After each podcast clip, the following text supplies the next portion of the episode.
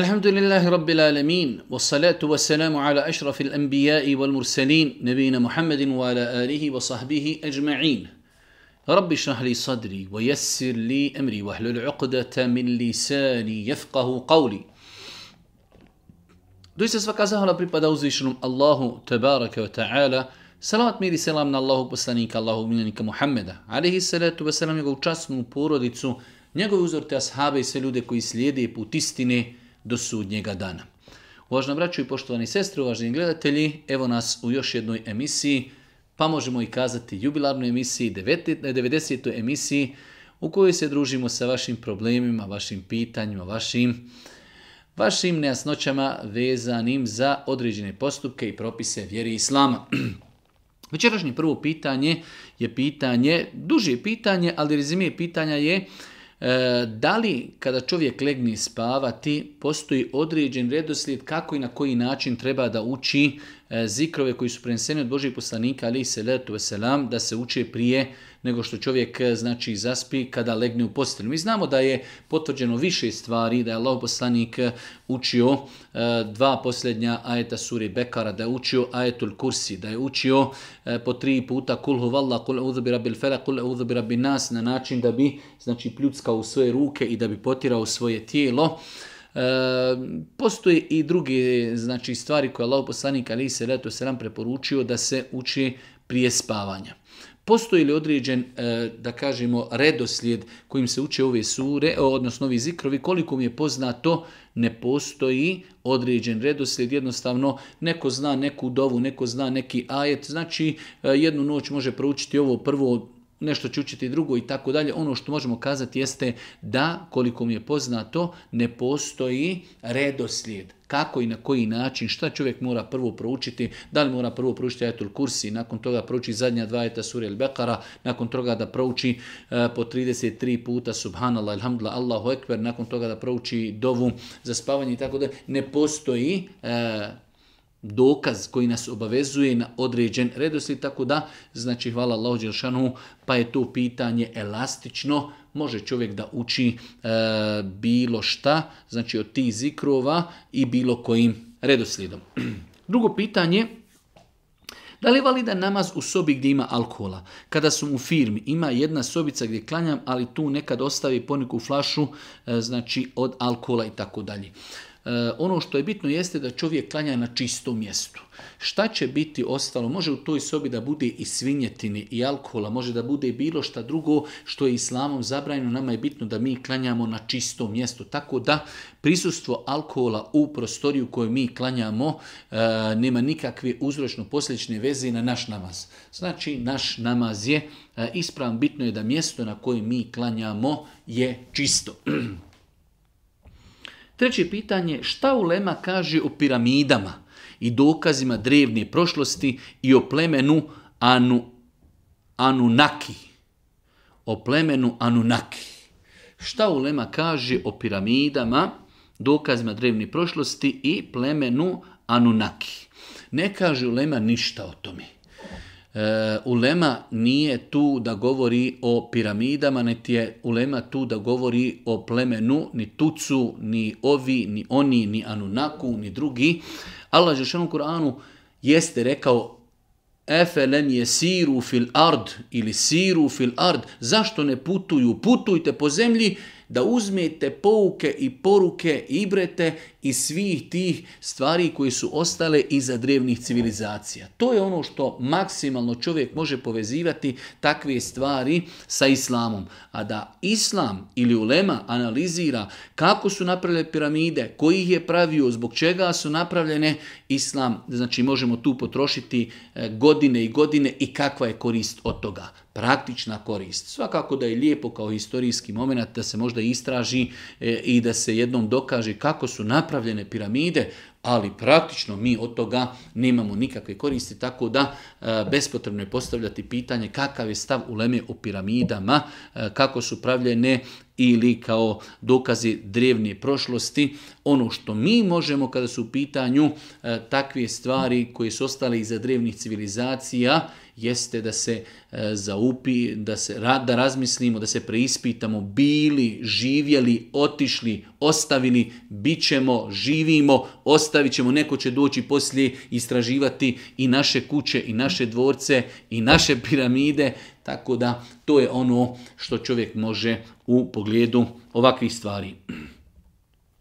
Može li se Kur'an učiti i dodirivati preko rukavica dok je žena u hajzu? Ovdje imamo dva pitanja. Prva stvar, da li žena generalno može učiti Kur'an dok je u hajzu? Mi smo rekli da velika većina islamskih čaka je smatrala da žena dok je u hajzu ne može nikako učiti Kur'an, ali smo mi preferirali mišljenje da ne postoji jasan i vjerodostojan hadis ili dokaz koji to zabranjuje. Pa smo preferirali da se može učiti Kur'an, učiti Kur'an dok je žena u hajzu. Ali je drugo pitanje, potpuno drugo pitanje, doticati mushaf. Velik broj ljudi ne pravi razliku između dva termina, učiti Kur'an i doticati mushaf. Pa žena u periodu mjesečnice može učiti Kur'an, ali ne treba da dodiruje mushaf. Ne treba da dodiruje mushaf i zato ćemo vidjeti da ima jedna nejasnoća kako može se učiti Kur'an sa mobitela, a ne može iz mushafa. Može se učiti iz mushafa, ali će žena znači onda obući rukavice i neće direktno doticati svojim rukama mushaf, već će rukavicama okretati svoje e, strance Kur'ana ili čak su učenjaci kazali može olovkom ili nekim drvcetom, ali je znači dobro da žena direktno u periodu mjesečnici ne dodiruje musaf, ali učiti Kur'an, iako je stav većinu učenjaka niti da dodiruje, niti da uči, mi smo znači pola tu. Može učiti, ali da ne dotiči mushaf. Ima mačku u kući, mačka, ima mačka u kući koji sve fiziološke potrebe izvršava u kupatilu, higijena na nivou i sve tako dalje. U svakom slučaju, e, je li to ispravno prema islamu, e, nema smetnji. Allah poslanik alaihi wasalam e, kazao je za mačku u vjerodostojnom hadisu inneha lejset bineđes, innema hijemine tawafina alejkum. Mačka nije nečistoća, tako je kazao Allah poslanik ali se letu selam, ona se mnogo kreće među vama. Tako da nema smetnji, nema smetnji da čovjek vjernik u kući ima mačku. Svakako treba znati da je izmet i mokraća mački nečist. Samim tim čovjek treba da pazi, znači e, na te momente kada je u pitanju e, mokraća i e, izmet mačke da to ne unečisti kuću ili mjesta gdje se klanja i tako dalje, ali sama mačka kao mačka, Boži poslanik za nju kaže, nije nečista, što znači ona je kao njeno tijelo čisto, da je čovjek dotakni, da sjedi na, spužvi ili, ili da hoda po tepihu, to je čisto. Sada ostaje da se mora paziti, da se mora paziti na njenu mokraću i izmet i ona kao ona je čista. Imam bebu od šest mjeseci. Svaki put kada treba spavati toliko se uz nervozi plaće i dugo treba da zaspe. Šta bi mogli učiti i tako dalje. E, prva stvar, dosta puta ljudi određene stvari koje su vezane za medicinu pokušavaju povezati sa određenim, da kažemo, vjerskim pitanjima. Nekada je normalna situacija da dijete u prvih godinu dana veoma često plaće, ima grčeve u stomaku i tako dalje. Tako da, e, ako već imamo neki problem, prva stvar trebamo vidjeti ima li neki fizički ili zdravstveni problem zašto naše dijete plaći. Nakon toga onda dolazi ovaj drugi dio da čovjek e, prije spavanja može djetetu i u toku dana da uči dove koji Boži poslanik preporučio da se uče djeci. E, tim dovama Boži poslanik je štitio i čuvao svoje e, unuke Hasana i Huseina. Učio bi kuma bi kelimati Allahi tame min kulli šeitanin wahame wa min kulli ajnil Znači čovjek treba da uči djetetu ovu dovu prije spavanja, da stavi znači, na njega ruku, da prouči nešto od Kur'ana, da pljucne po njemu. To su stvari koje čovjek može da uradi uz Allahu pomoć. Znači e, s aspekta medicinskog poduzeti ono što se može poduzeti od pretraga, od e, korištenja čajeva koji će ako dijete ima E, grčeve i tako dalje. Nakon toga učenje dova protiv uroka i učenje Kur'ana kao vid zaštite i ruke djetetu, to je ono što čovjek može uraditi. Je li vjerodostojan hadis da se treba učiti ujutro sedam puta zikr Haspun la ilaha illa hu, alihi tevakeltu, ahu Dio savremenih učenjaka spomenuo je e, sastavni dio večernjeg jutarnjih odnosno jutarnjeg zikra, jeste da čovjek uči ovaj e, zikr e, hasbi, Allahu la ilaha illa hu alihi rabbul azim. istini za volju postoji jako razilaženje da li hadis koji govori o tome da se ovaj zikr treba ujutru učiti sedam puta i da je za učenje tog zikra obećana nagrada postoji jako razilaženje. Većina učenjaka smatrala je ovaj hadis daif. Bilo učenjaka koji su smatrali e, da su ovo riječi od prenosioca, a prenosioc ne može ovakve riječi Ebu kazati po svom nahođenju, pa se takve riječi mogu u tom kontekstu pripisati božijim poslaniku. Imamo imam određeno jedno pravilo e, u hadisu kada e, ashab nešto govori o gajbu, onda te stvari znači se pripisuju Božijem poslaniku jer je on to mora čuti od Božijeg poslanika.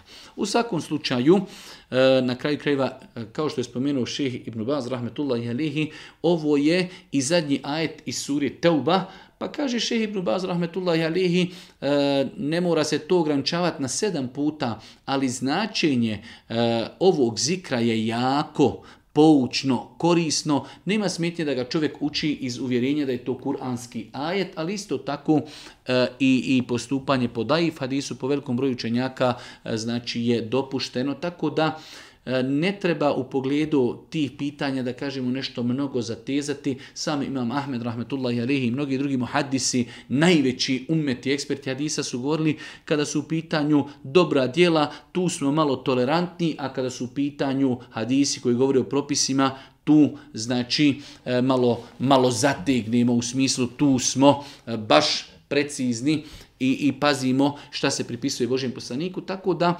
uzimajući u obzir da je ovo kuranski ajet, E, uzimajući obzir njegovo značenje, uzimajući obzir da je to preneseno od ashaba, da su oni to pripisivali Božijem poslaniku, sve to kada uzmemo u, u, u, da kažem u obzir, smatram da nema ništa loše u tome da čovjek e, ovaj zikr izgovara i zajtra sedam puta, nadajući se obećajnoj nagradi, a ako ništa to je zikr, to je učenje Kur'ana, čovjek će za svaki harfak ovoga biti nagrađen. Kolika vremenska razlika mora ili treba biti između namaza?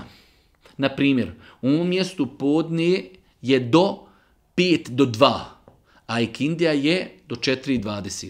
Može li se podne klanjati 20 do 2, a ikindija u, znači, odma u 2? Pitanje je, znači, čovjek želi da bukvalno e, u kratkom periodu e, klanja dva namaza.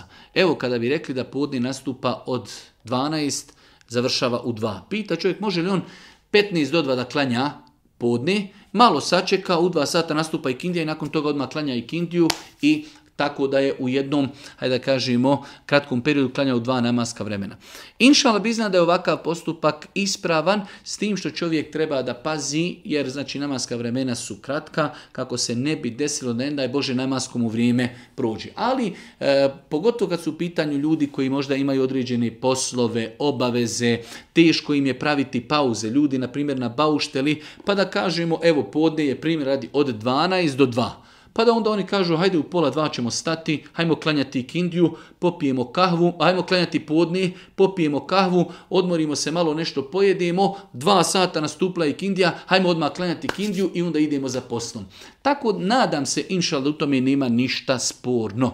E, ako se radi sa razlogom. Bez razloga ne treba odgađati klanjanje namaza do kraja njegovog namaskog vremena, ali ako postoji razlog, kao što su ljudi u firmama ili vozači ili nešto drugo, da čovjek klanja jedan namaz, znači 15-20 minuta prije, nastup, prije e, znači isticaj njegovog vremena, onda sačeka 15-20 minuta uz neke obaveze dok nastupi sljedeći namaz pa ga odmah klanja, nadamo se inša da nije napravio nikakav šerijetski prekršaj. Muž i žena su šerijetski vrenčani, prije pet godina, opštinski još nisu. Da li je to haram? Nije haram. Ono što je bitno s aspekta islama jeste da se čovjek i žena ispravno šerijetski vjenčaju.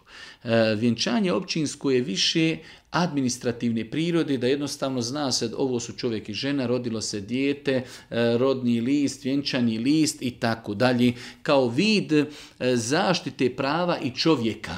Ali da je to, da li je to obaveza se ljudi odmah vjenčaju nije obaveza. Svakako e, da, da e, supružnici treba da požuri, znači i najbolje je da u istom danu se ljudi vjenčaju šerijski, nakon toga da se vjenčaju općinski e, ili, ili već obrnuto u svakom slučaju, ali ako nisu to uradili, da li su oni u haramu? Nisu. Ono što je bitno s aspekta islama, mi govorimo s aspekta islama, čovjek se vjenčao šerijski i njegova supruga njemu halal i on je halal supruzi. E sada, kada će se oni vjenčarski, vjenčati općinski, to je njihova stvar, trebaju da se vjenčaju zbog e, administrativne procedure u državi, ali da li su oni u haramu zato što se nisu općinski vjenčali? Nisu u haramu.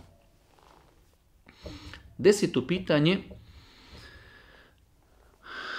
Da li je ispravno kada dajem sadaku za moga rahmetli muža da to dajem i za sebe i za njega zajedno? Znači, žena, njen muž je preselio, želi da kada daje sadaku da nanijeti da je to sadaka za muža, ali da je i, i njoj. Da li u tome ima išta sporno? Nema ništa sporno. E, čak sam slušao određene, e, određene e, šehove koji spominju određene argumente iz islama gdje ne postoji nikakvo ograničenje koliko ljudi može čovjek da uključi u tu svoju sadaku. Tako da čovjek može kazati dajem, ne znam, 100 maraka, to je na ime i mami, i babi, i dede, i nene, i tetka, i tetke, i dajđe. Svi oni, ako Bog da, imaći od toga nagradu, a može uključiti u to u namjeri i da kaže, a i za mene i za moju suprugu koja je već još živa, za moju djecu. Tako da ne postoji ograničenje ljudi, koliko ljudi možemo nanijetiti sa svojim ibadetom i sa svojom sadakom, niti postoji ograničenje kao može li samo za mrtve i živi. Mogu se uključiti u nagradu Sadaki i živi i mrtvi i živi i mrtvi ljudi. Tako da u odgovoru konkretnom da li žena kada dijeli sadaku može da da sadaku na ime svoje i da ta ista sadaka bude i na ime njenog muža, može.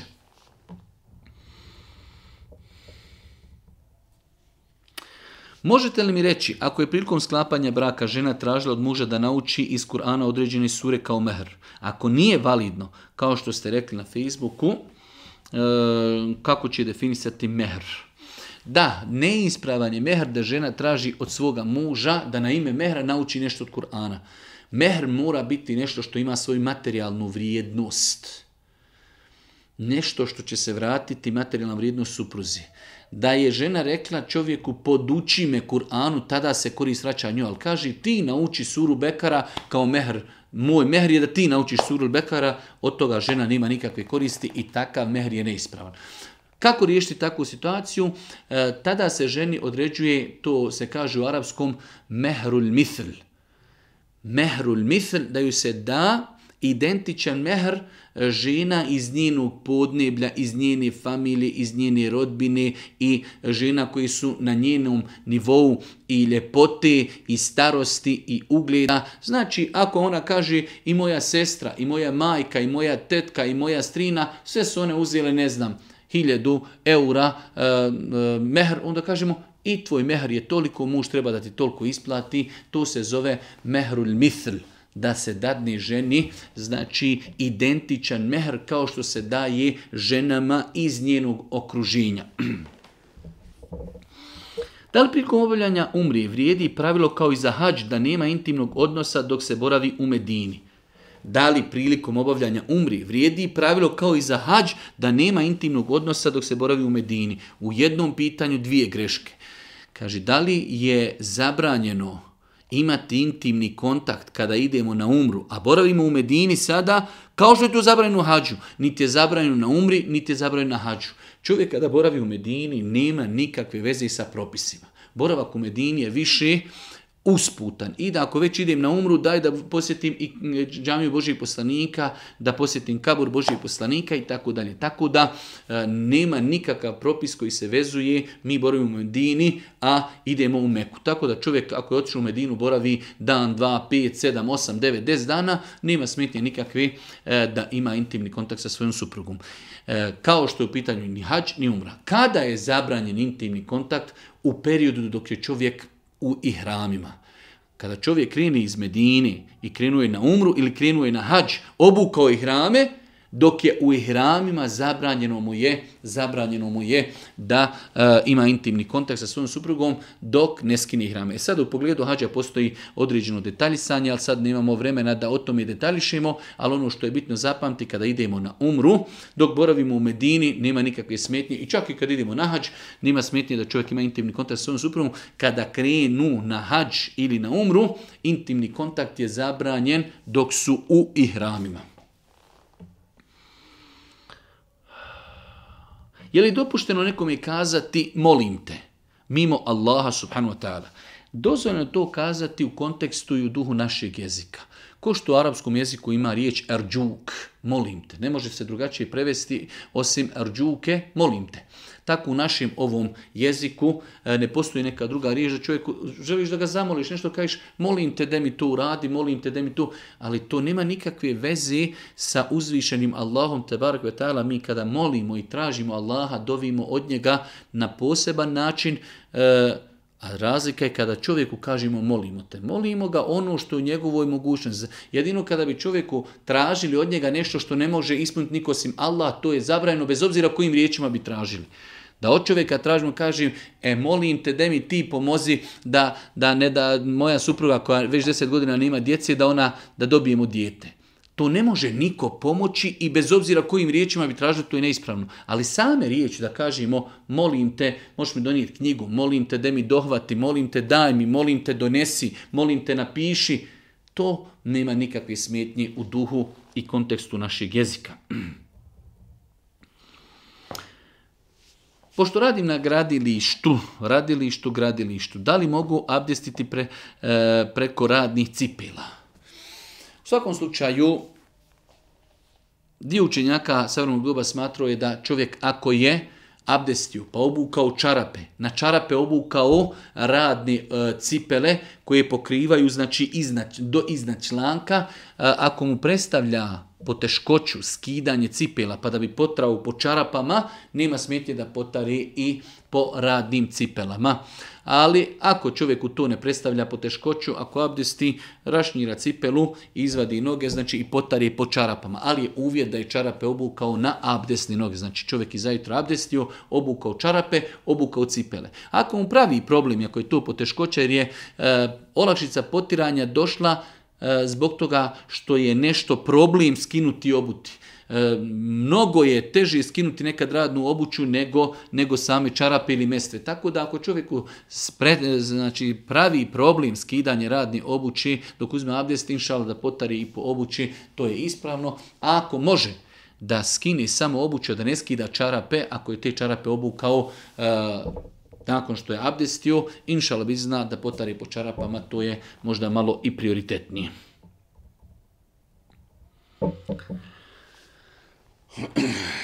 Zanima me da li je po islamu dozvoljeno online prodaja. Naime, postoje ozbiljne internet strance Amazon i neke druge preko kojih možeš reklamirati i prodavati tuđe proizvode i za svaku prodaju dobijete određenu proviziju. Moje pitanje je da li je takav način poslovanja dozvoljen.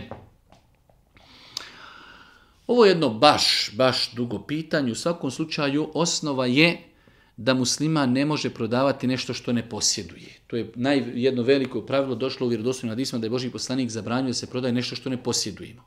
Prodajemo nešto što ne posjedujemo. E sada, u ovakvim situacijama imamo negdje na nekoj internet stranici se nešto prodaje, mi taj proizvod kod sebe reklamiramo, i kada ljudi kupuju, znači mi prebacimo tamo na strancu, a mi zarađujemo na tome određenu, određenu svotu.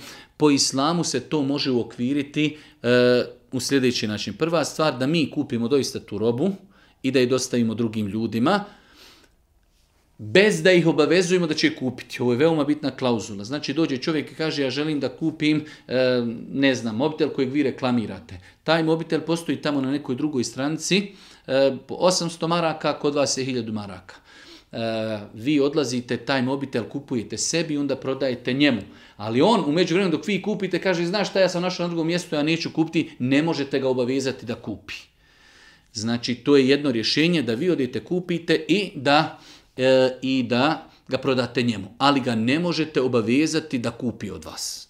Druga stvar, da budemo posrednici, da jednostavno mi e, reklamiramo, da mi reklamiramo e, tuđi proizvod koji je halal i dopušten i ljudi kada žele kupiti onda mi kažemo to možete nabaviti ovdje, a procenat naš je ne znam 10%, 10 maraka, 100 eura i tako dalje. Da uzimamo procenat, znači zato što smo spojili kupca i trgovca i ima treća stvar da budemo e, opunomoćenici. Ovo je bilo posredovanje, da naplatimo svoje posredovanje, našli smo nekome kupca i, našli smo nekome proizvod koji treba da kupi, Imamo treću stvar i treća alternativa za zabranu prodavanja onoga što ne posjedujemo jeste da mi budemo opunomoćenici da mi imamo ugovor sa tom strancom, kažemo vidite mi prodajemo vaše proizvode, sve što prodamo, eh, znači mi ćemo imati na tome zaradu.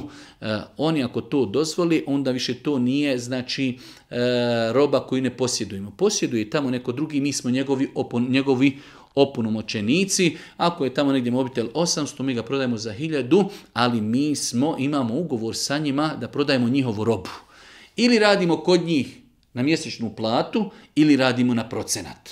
Ili radimo na procenat, u svakom slučaju sve su to inšala bizna dozvoljene stvari, ali e, da čovjek dođe i kaže želim da kod tebe kupim nešto, a ti to nemaš, od njega uzmeš pare, pa onda ti kupiš tamo njemu prodaš što je zabranjeno. Znači šta je zabranjeno? Došao je čovjek na našu strancu, mi reklamiramo mobitel, piše da je hiljadu maraka, a mi nemamo taj mobitel, vega mi reklamiramo s Amazona. I on nama dadne pare, mi uzmemo te pare, kupimo na Amazonu, za 800 njemu pošljemo, ostavimo sebi 200 maraka, to je zabranjeno. Mi možemo njemu kazati, u redu, hoćeš kupiti od nas mobitel, mi ćemo te ga nabaviti, dođi sutra. Mi odemo, kupimo na Amazonu, sutra dođi, mi mu prodamo. To je dozvoljeno, ali ne možemo ga obavizati. On sutra kad dođe može reći vidi ja našu namozom za 800 kupću tamo. Tako da to su, inšala biznila, e, stvari koje treba paziti prilikom elektronske trgovine, e, šta je zabranjeno i alternative šta je dozvoljeno.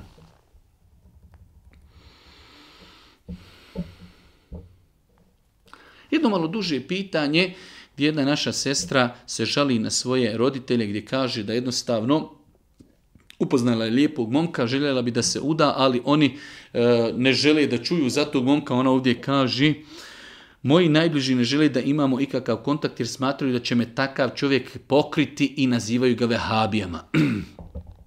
I da li njoj obaveza sluša svoga oca u svemu tome?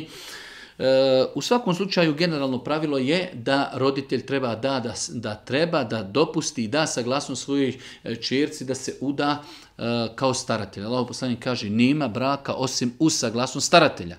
Ali ako staratelj iz neispravnih i nevalidnih razloga odbija prose, tada starateljstvo može prijeći sa oca na nekog drugog.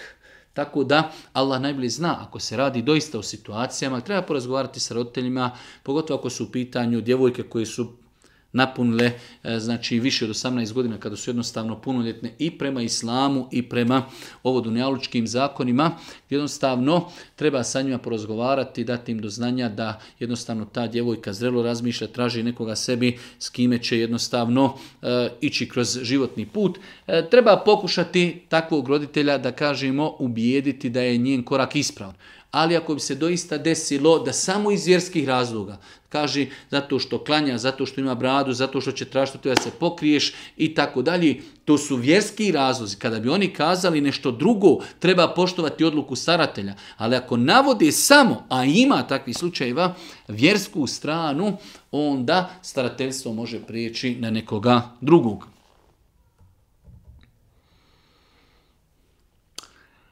Esselamu alaikum, je li može pitanje šta znači ženitba mu'ata? Šta znači brak muta? Tako piši. E, za vrijeme Božih poslanika, ali se letu selam, postao je brak privremeni brak koji je dva puta postojao i dva puta je dokidat i drugi put kada je dokinu došlo je u rivajet kod imama muslima pa je ostao zabranjen do sudnjeg dana. Znači, e, morta brak je e, privremeni brak Privremeni brak kao da se čovjek e, oženi i kaže živjet ćemo mjesec, živjet ćemo deset dana, živjet ćemo dan, živjet ćemo godinu i nakon toga se rastajemo. Osnova je kada se čovjek ženi da nije ti namjerava ostati sa svojom ženom do kraja života. Možda će se des da se razvedu, ali osnova je njihovog braka želimo da ostanemo do kraja života zajedno. Bilo koje preciziranje vakta koliko će čovjek i žena živjeti je prema islamu po konsenzusu učenjaka prema konsenzusu učenjaka ehli sunneta, jer ova vrsta braka je i kako raširena i rasprostranjena kod šija u Iranu. Znači, to je i tekako rasprostranjeno, to je prema islamskom učenju neispravno blud, nemoral. Bilo je za vrijeme Božih poslanika dozvoljeno, pa je Božji poslanik zabranio, pa je opet dozvolio i nakon toga po drugi put je zabranio i kazao do sudnjeg dana. Tako da takav brak sa bilo kakvim vremenskim ograničenjem smatra se brak morta, zabranjen je prema konsenzusu islamskih učenjaka ehli sunneta. Da li je haram raditi u banci koliko se ne bavim poslom kamate i kredita?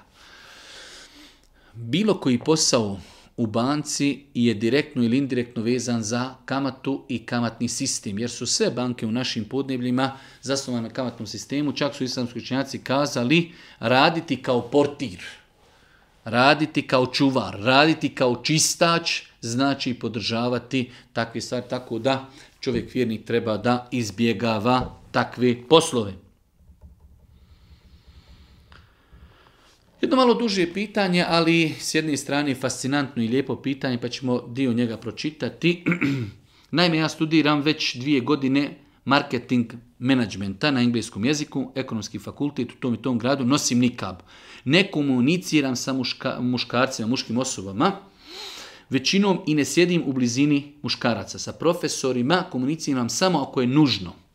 Ne javljam se na predavanjima jer se ne osjećam ugodno i da je, i da je profesorica u pitanju jer je u učionici dosta muških osoba. Udata sam, dobila sam stipendiju za ovu godinu. Svi očekuju od mene da završim taj fakultet. Pitanje je da li je dozvoljeno da žena nastavi e, ovako studiranje. E, ja sam ciljano ovo pitanje e, objavio da vidimo kako se može žena moralno i čedno ponašati i u svemu tome studirati. Ja ne vidim ništa loše e, ova struka, marketing, management, znači to je posao koji sutra žena možda može raditi svoje kuće, može sutra imati svoju firmu gdje će joj trebati ovo znanje. Nije to znanje znači nešto što je specifično vezano za muškarce, već je ovo struka kojom se može baviti i žena i da bude i domaćica i majka i u svemu tome da ima znači ove sposobnosti, ali u svemu tome pogledajte žena nosi nikab, e, komunikacija s muškarcima na minimumu, e, sjedi udaljeno od muškaraca, e, znači doista nešto fenomenalno, fascinantno, što je dokaz da insan ako ima svoje principe, znači može ih se pridržavati, drugi ga ljudi poštuju, i može se i školovati i obrazovati i nastaviti se obrazovanjem, tako da ne vidim ništa loše u svemu tome,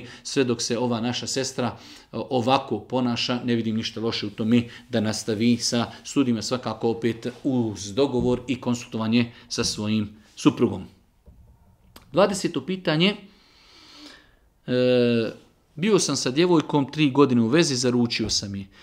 I pitanje je nakon toga, Prekinili su zaruku, žena želi da vrati poklone koje je čovjek dao ženi prilikom zaruke, on je to odbijao, odbijao, ona insistirala i na kraju je on to preuzeo. Da li je pogriješio što je preuzeo? Nije pogriješio, znači ako je čovjek nekom je nešto dao na poklon. Zabranjeno je tražiti poklon nazad. Boži poslanik u vjerodostojnom na Buhari i muslima e, usporedio je onoga ko traži poklon nazad kao pas, uporedio ga je psom koji povrati, pa ponovo to jede i liži. Tako da osoba ako nešto pokloni nekome više ne treba to tražiti nazad. Ali u ovom slučaju čovjek je nešto poklonuo, žena se, žena insistira da ona to vrati. Ne on čak što više odbija, ne želim, ona želi da vrati. Nema u tome ništa sporno da čovjek poslije preuzme ono što je poklonio i da to, ako je u pitanju zlato, da da svojoj majci, svojoj sestru, da proda, da nekom drugom dadne, nema u tome ništa sporno da se e, koristi onim što mu ta njegova zaručnica vrati.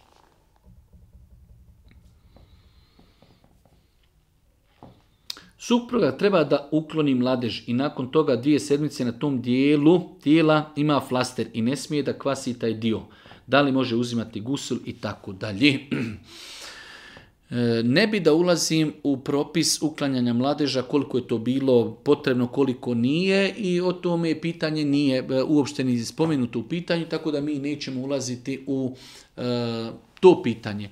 U svakom slučaju, u situaciji kada čovjek ima određene hiruške zahvate na tijelu, nakon kojih mora određen period da taj dio tijela bude prekriven da li zavojom, langetom, da li flasterom, takvim slučajima čovjek prilikom abdesta i gusula skvasit će sve što može, a taj dio koji je prekriven, da li e, znači flasterom, da li langetom, da li zavojom, pokriće ga ili pokvasit će ga mokrim rukama. Znači neće kvasiti, već će mokrom rukom samo pobrisati taj dio koji je pokriven, znači koji je pokriven, e, pobrisat će ga samo mokrom rukom, iako Bog da njegov gusul ili abdest je validan i ispravan.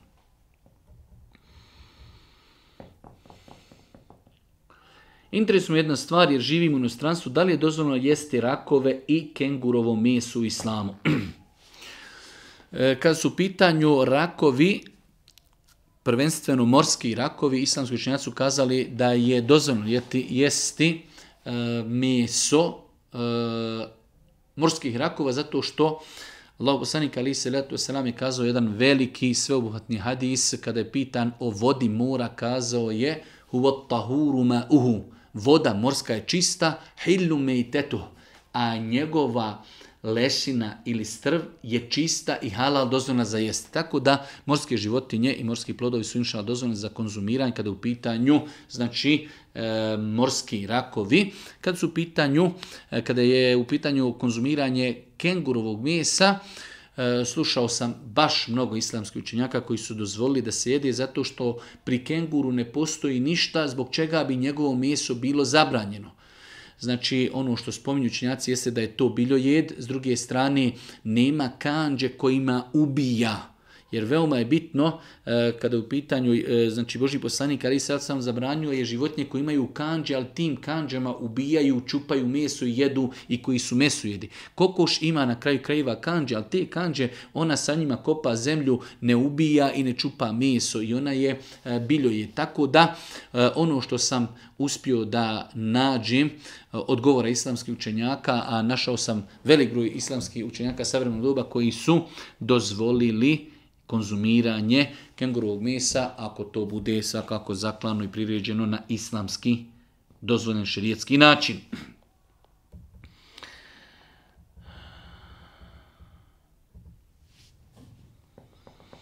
Jedno malo duže pitanje u kojem jedna naša sestra pita E, ona nekada ima priliku da čeka određene časove na fakultetu, u srednjoj školi, pa bi da to vrijeme provede u džami učeći Kur'an, ali nerijetko se dešava da su džamije zaključane, pa pita ona tako, da ne odugovlačim puno, zanima me zašto su džamije zaključane. E, I otkud pravo i mama da zaključaju iste kao da je njihovo privatno vlasništvo. Hvala unaprijed.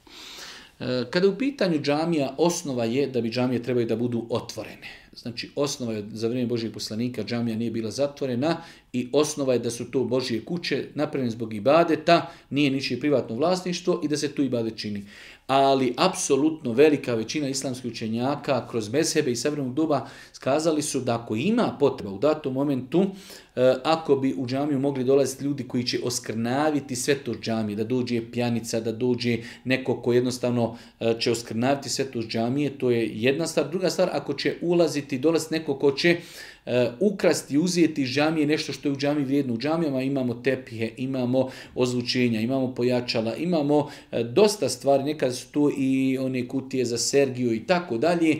Tako da, eh, islamski učenjaci savremenog doba su kazali, ako postoji stvarna potreba da se nakon obavljenog džama, e, namaza u džematu i džamije zaključa da je to e, i dopušteno. Tako da u svakom slučaju e, ovdje treba, hajde kažemo, tražiti neku zlatnu sredinu.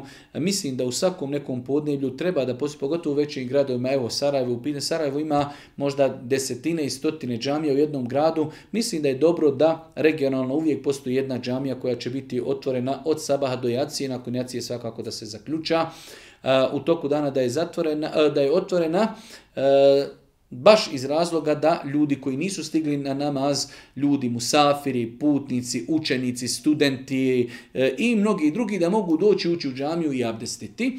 A isto tako, ako zaista postoji potreba iz bojazni da će doći neko ko će e, oskrnaviti sve to džamije ili neko nešto ukrasti, ako se džamije znači, otvori primjer radi 15-20 minuta prije namaza i nakon namaza 15-20 minuta da se zatvori, a ako postoji potreba za tim, velik broj islamskih je to dozvolio i dopustio. Da li će roditelji odgovarati to što njihova čirka nije pokrivena? Čovjek treba da ispuni ono čime ga je zadužio njegov gospodar, a to je da svoje dijete podučava, savjetuje na najljepši mogući način. Da li će čirka nositi mahramu ili ne, to e, zbog toga čovjek neće biti pitan. Čovjek treba da odgaja, da ukazuje, da savjetuje, da njena majka bude njen uzor, da otac bude uzor u ponašanju, u prakticiranju islama. Da li će se ona pokriti ili ne, to e, znači ne može čovjek nasilu i ne treba nasilu da nagoni svoje dijete da nosi mahramu, to treba da bude e, lični odabir svakog djeteta i tada će tek ona biti spremna da se nosi sa izazovima nošenja hijjaba. Ako mi nametnemo nekome nošenje hijjaba nasilu, e, to će se vidjeti u ponašanju i u postupcima i tako dalje, tako da e, nema nikakve potrebe apsolutno da nekom neš, da neko nekom nešto nameće nasilu, već ono što mi možemo jeste da svoju djecu savjetujemo, da im sugerišemo, pa da ih i kritikujemo, da im ukazujemo, da s njima vodimo razgovor, dijalog, da im budemo najljepši uzori u svemu tome i nakon toga mi smo obavili ono što možemo.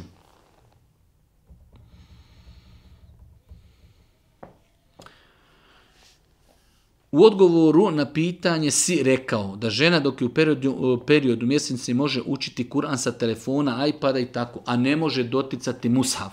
Možeš li pojasniti na osnovu kojih argumenata je dokazano da ne može se učiti iz mushafa, a može iz mobitela? Vidite kako ljudi pogrešno razumiju pitanje, ali evo dobro, alhamdla, ovaj brat traži pojašnjenje. Rekli ste da se može u mjesečnici učiti Kur'an, kaže, iz mobitela i iPada, a ne može se doticati Musaf. Da. A onda nakon toga, možeš li pojasniti na osnovu kojih argumenata je dokazano da se ne može učiti iz Mushafa? A gore, da se ne može doticati mushaf. To su dva različita pitanja. Mi kažemo da žena u mjesečnici može učiti Kur'an na pamet, može ga učiti iz iPada, iz mobitela, može ga učiti iz mushafa, ali da mushaf ne dotiči. Zašto da mushaf ne dotiče? Zato što ogromna većina islamskih učenjaka je smatrala da znači osoba kao džunup, e, žena u hajzu i nifasu, pa čak i osoba bez abdesta, da ne dotiči Mushaf. Tako da je razlika učiti Kur'an iz Mushafa, da ga ne dotičimo. Ili ga dotičemo na način da žena obuče rukavice ili olovkom ili nekim drugim predmetom okreći strance. Tako da e, ponavljamo i to je naš stav dugi niz godina. Žena može u periodu mjesečnice i pogotovo ako su pitanje škole Kur'ana, ako je vjeroučiteljica, ako je alima u školi, da u periodu mjesečnice uči Kur'an. To nema smetnji. Problem je samo ne treba da dotiče Kur'an golim rukama, direktno, već ako će doticati Musav da to radi rukavicama.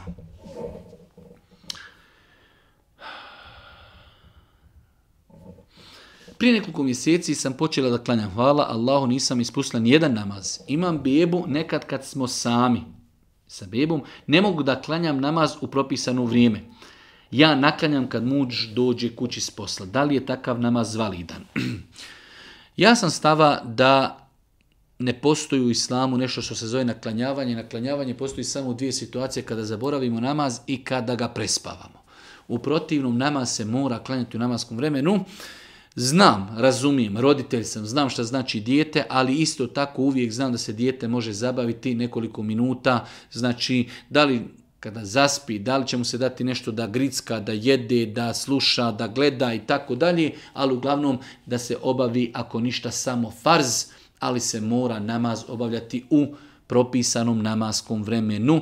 E, za mene ovo nije znači ispravno kada je u pitanju naklanjavanje zbog toga što ne možemo ostaviti dijete. Dijete se može staviti pored sebe e, u neki stalak, u ljulju, u ne znam nija, u te neke savremeni načine e, gdje se dijete može malo zabaviti, ljuljati. Žena naklanja farz, znači da ne duži, da uči na prvom rekiatu fatihu i kulhu valla, na drugom fatihu i kulhu uzabira nas, sav taj njen namaz trajaće inšala 5, 6 7 minuta. Mislim da svaka majka kada se potrudi može, ako Bog da naći toliko vremena, da se dijete malo ostavi pored sebe, da se zabavi, da malo zaspi, da mu se da e, duda, da mu se da flašica, da mu se da nešto čime će se malo zabaviti dok majka obavi namaz. Htjela sam vas pitati da li je dozvoljeno obići mezar voljene osobe prije nego prođi 40 dana. E, generalno je pravilo, e, odnosno mi preferiramo mišljenje da je ženama dozvoljeno da posjećuju mezarluke. Pošto postoji dio učenjaka koji su smatrali da je ženama zabranjeno posjećivati mezarluke, ja sam stava da je dozvoljeno ženama da posjećuju mezarluke. Sada postoji pitanje da li postoji neko ograničenje, da li žena e, znači, u 40 dana nakon smrti određenog medita da posjećaju kabur? Apsolutno da. Ne postoji nikakvo ograničenje čime mi ženu ograničili. Postoji znači da žena nakon smrti svoga muža je u iddetu četiri mjeseca i deset dana, ali to nema nikakve veze sa odlaskom na mezarluke, upućivanje dove, obilazka ta drugih učenja dove za njih, to nema nikakve veze, tako da ograničavati period na 40 dana nema nikakav šerijatski, šerijatski validan dokaz. Pitanje zašto se klanjači okreću prema kibli?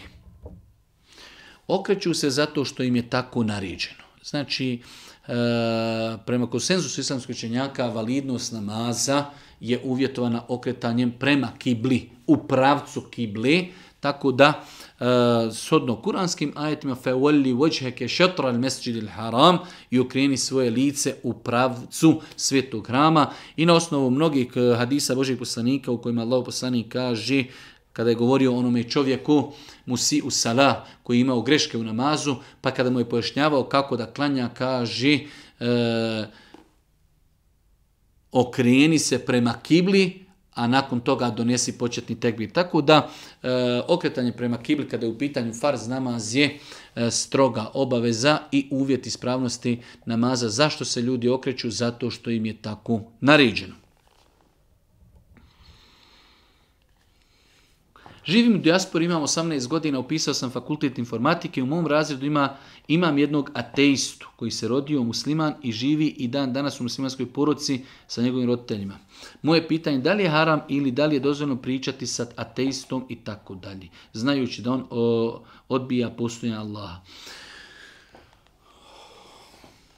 To što je neko ateista i deklariše se na taj način i tvrdi da ne postoji Bog, to ne isključuje da mi sa njim razgovaramo, komuniciramo, e, kako bi takvim osobama mi pojasnili da je neispravno to na čemu se oni nalaze, osim ako s njima budemo blagi, milostivi, samilosni, nasmijani i da sa njima vodimo dijalog. Kako bi čovjeka koji je nemusliman, koji kaže da je Isus Bog ili da je Allah jedno troje i tako dalje, koji čini kufr i širk, kako bi te ljude pozvali, osim ako smo s njima u kontaktu, dijalogu, razgovoru, da što smo prema njima blagi, milostivi, samilosni i tako dalje. Tako da to što se neko deklariše kao ateist, to što iz muslimanske poruce ne znači i ne daje nama znači za pravo da mi sa njim ne komuniciramo, e, jer e, nemoguće je takvoj osobi pojasniti njegovu dalalet i zabludu i neistinu, osim ako sa njim se družimo u granicama potrebe, sa njim smo znači u tim nekim relacijama, da dođemo na level i nivo da sa njim možemo govoriti i o tim pitanjima.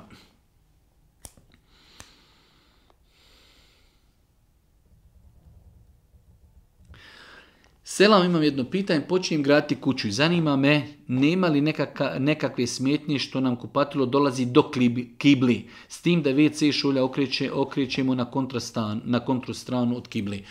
E, da li ima smetnje da će u dijelu kuće koji je okrenut prema kibli bude toalet? Nema nikakve smetnje. Ono što je problem, bez obzira u kojem dijelu kuće se nalazi toalet, jeste da treba izbjegavati da, da e, WC šulja bude pozicionirana čovjek ako sjedi na njoj je leđima ili prsima okrenut u pravcu kibli. A znači, iako smo o tome govorili, da zabrana se prvenstveno odnosi na okretanje prema kibli e, kada se obavlja fiziološka potreba u prirodi. E, dio učenjaka smatraju da se to odnosi i na period kada čovjek obavlja fiziološku potrebu u kući. Stoga je pohvalno i lijepo kada čovjek već pravi raspored u svojoj kući i pravi e, e, kako će gdje e, pozicionirati određene stvar, nije problem da toalet bude u pravcu znači gdje je u našoj kući okrenut, okrenuta dio kuće prema kibli, ali unutar toaleta ne treba WC šulja da bude pozicionirana da je prsima ili leđima okrenuta prema kibli, treba je okrenuti znači lijevo ili desno jedno malo duže pitanje, a to je djevojka je bila kod tog i tog efendije u Tuzni, tjela je da joj uči rukju. I nakon toga dao joj je papiriće koji su meni uslikani na e-mail, e, kako te papiriće na kojima je naškrabano, naškrabano e, hemijskom olovkom određenih stvari koje liče na arapska slova, i dato je da stavi u vodu da to pije i da će od toga, ako Bog da se izliječiti, da li je to ispravno ili ne, nije ispravno. Dio učenjaka umeta dozvolio je da čovjek čistim, čistom materijom, možda više da kažemo čistim sokom, napiše kuranske ajete na papir i to sapere i tu vodu pije. Ali bilo učenjaka koji su zato da je novotarija. Ibn Qajim Rahmetullah lihi smatrao je takav postupak dozvoljen da se od šafrana, pošto znamo da šafran ima svoju boju, da se šafranom uze, uzme da se na papir napiše određen kuranski ajeti i da se to pokisilo vodi i da se ta voda pije. Ali uvjet je da se piše nečim što je čisto i da se pišu stvari koje se znaju šta je kuranski ajeti. Neispravno je pisati tintom, kao što kaže Šehu Semin, tinta može štetiti čovjekovom zdravlju, s druge strane neispravno je naškrabati nešto što niko ne zna šta piše i kazati čovjeku, e, de to sad skvasi i popi tu vodu. Znači, ako već neko preferira mišljenje da se može E, pisati određena kuranski ajeti i sure na papir i to skvasiti, piti, onda moraju se o, ispuniti ovi uvjeti da to bude pisano nečim što nije štetno, da to bude nečim znači, e, čija, čije e, znači, ta boja nije štetna, kao što su navodili islamski učenjaci primjer šafrana, da se šafranom napiše, to nije tinta, Isto tako da to bude jasno šta je napis, da su to kuranski ajeti, a ne neke hieroglife koje eto imaju i neki, neki hajde da dodirne tačke možda sa nekim arapskim slovima. Tako da ovaj postupak e, zapisi koji su dati na kojima je hemijskom olovkom napisano nešto što se ne može dešifrovati i pročitati, da se to stavi u, da se pije, to nije ispravno. Kada žena klanja džumu namaz, da li sa nje spada obaveza klanjanja podni namaz? E, ako je žena već došla da klanja džumu namaz, kod nas je nažalost e, veoma rijetka praksa da žene dolaze na džumu što e, treba oživljavati. Asabike za vrijeme Božih poslanika dolaze su na džumu kod Božih poslanika. Čak neke asabike kažu naučili smo određene sure slušajući Božijeg poslanika kako suru Kaf i druge sure uči na mimberi petkom, tokom džumi. Pa je znači pohvalno i lijepo, kao što muškarci vole čuti lijepu besjedu i lijepu hudbu, isto tako i žene imaju potrebu da čuju. E sada, ženama nije obaveza da dođu na džumu, ali ako su već došle, one će klanjati kao muškarci dva rekiata, klanjaju džumu za efendijom i nakon toga nemaju potrebe klanjati podni namaz, kao i muškarci poslije džumi mogu klanjati E, dva rekiata ili četiri rekiata na fili. I posljednje pitanje, da li mogu da oženim ženu koja je starija od mene 20 godina, iako znam da ne, može ima, da ne možemo imati djeci? Kada u pitanju, ovdje su dva pitanja. To što je žena starija od čovjeka 20 godina uopšte nije razlog e, da to utječe na validnost braka. Ako čovjek odgovara ona ljepotom, vjerom i svim drugim parametrima, to što je ona starija to ne smeta za ispravnost. Mi ćemo reći da je pohvalno i sve, ali ako čovjek odgovara, ta žena nema nikakve to veze sa ispravnošću braka. Isto tako to što e, on zna da oni ne mogu imati djeci, da li je do muža, da li je do ženi, to uopšte nije razlog zbog čega bi dovodili u pitanje brak. Jeste preporučeno islamu da čovjek oženi djevicu i da oženi ženu za koju se zna da može dosta rađati kroz gledanje u njenu lozu, njena majka, njena nana, njene sestre, ako sve te žene e, su rodile u životu dosta djeci, onda se pretpostavlja da će i ona e, moći, ako Bog rađati dosta djeci, u islamu je preporučeno se e, ženi i žena koja je djevica i žena koja može mnogo rađati. Ali isto tako to ne isključuje da žena koja ne može imati djeci, da je validan brak sa njom, da je neko oženi, pa i ako je starija od čovjeka, sve su te stvari ispravne, znači i ne djeluju na, nemaju nikakve dakle utjecaja na validnost braka. Allah te baraka ta'ala molimo da nam podari korisno znanje, da nas učite na putu istine i na kraju subhaneke, Allahumma da dihamdike, ešhedu in la ilaha in stakfiruke, wa etubu ilaik.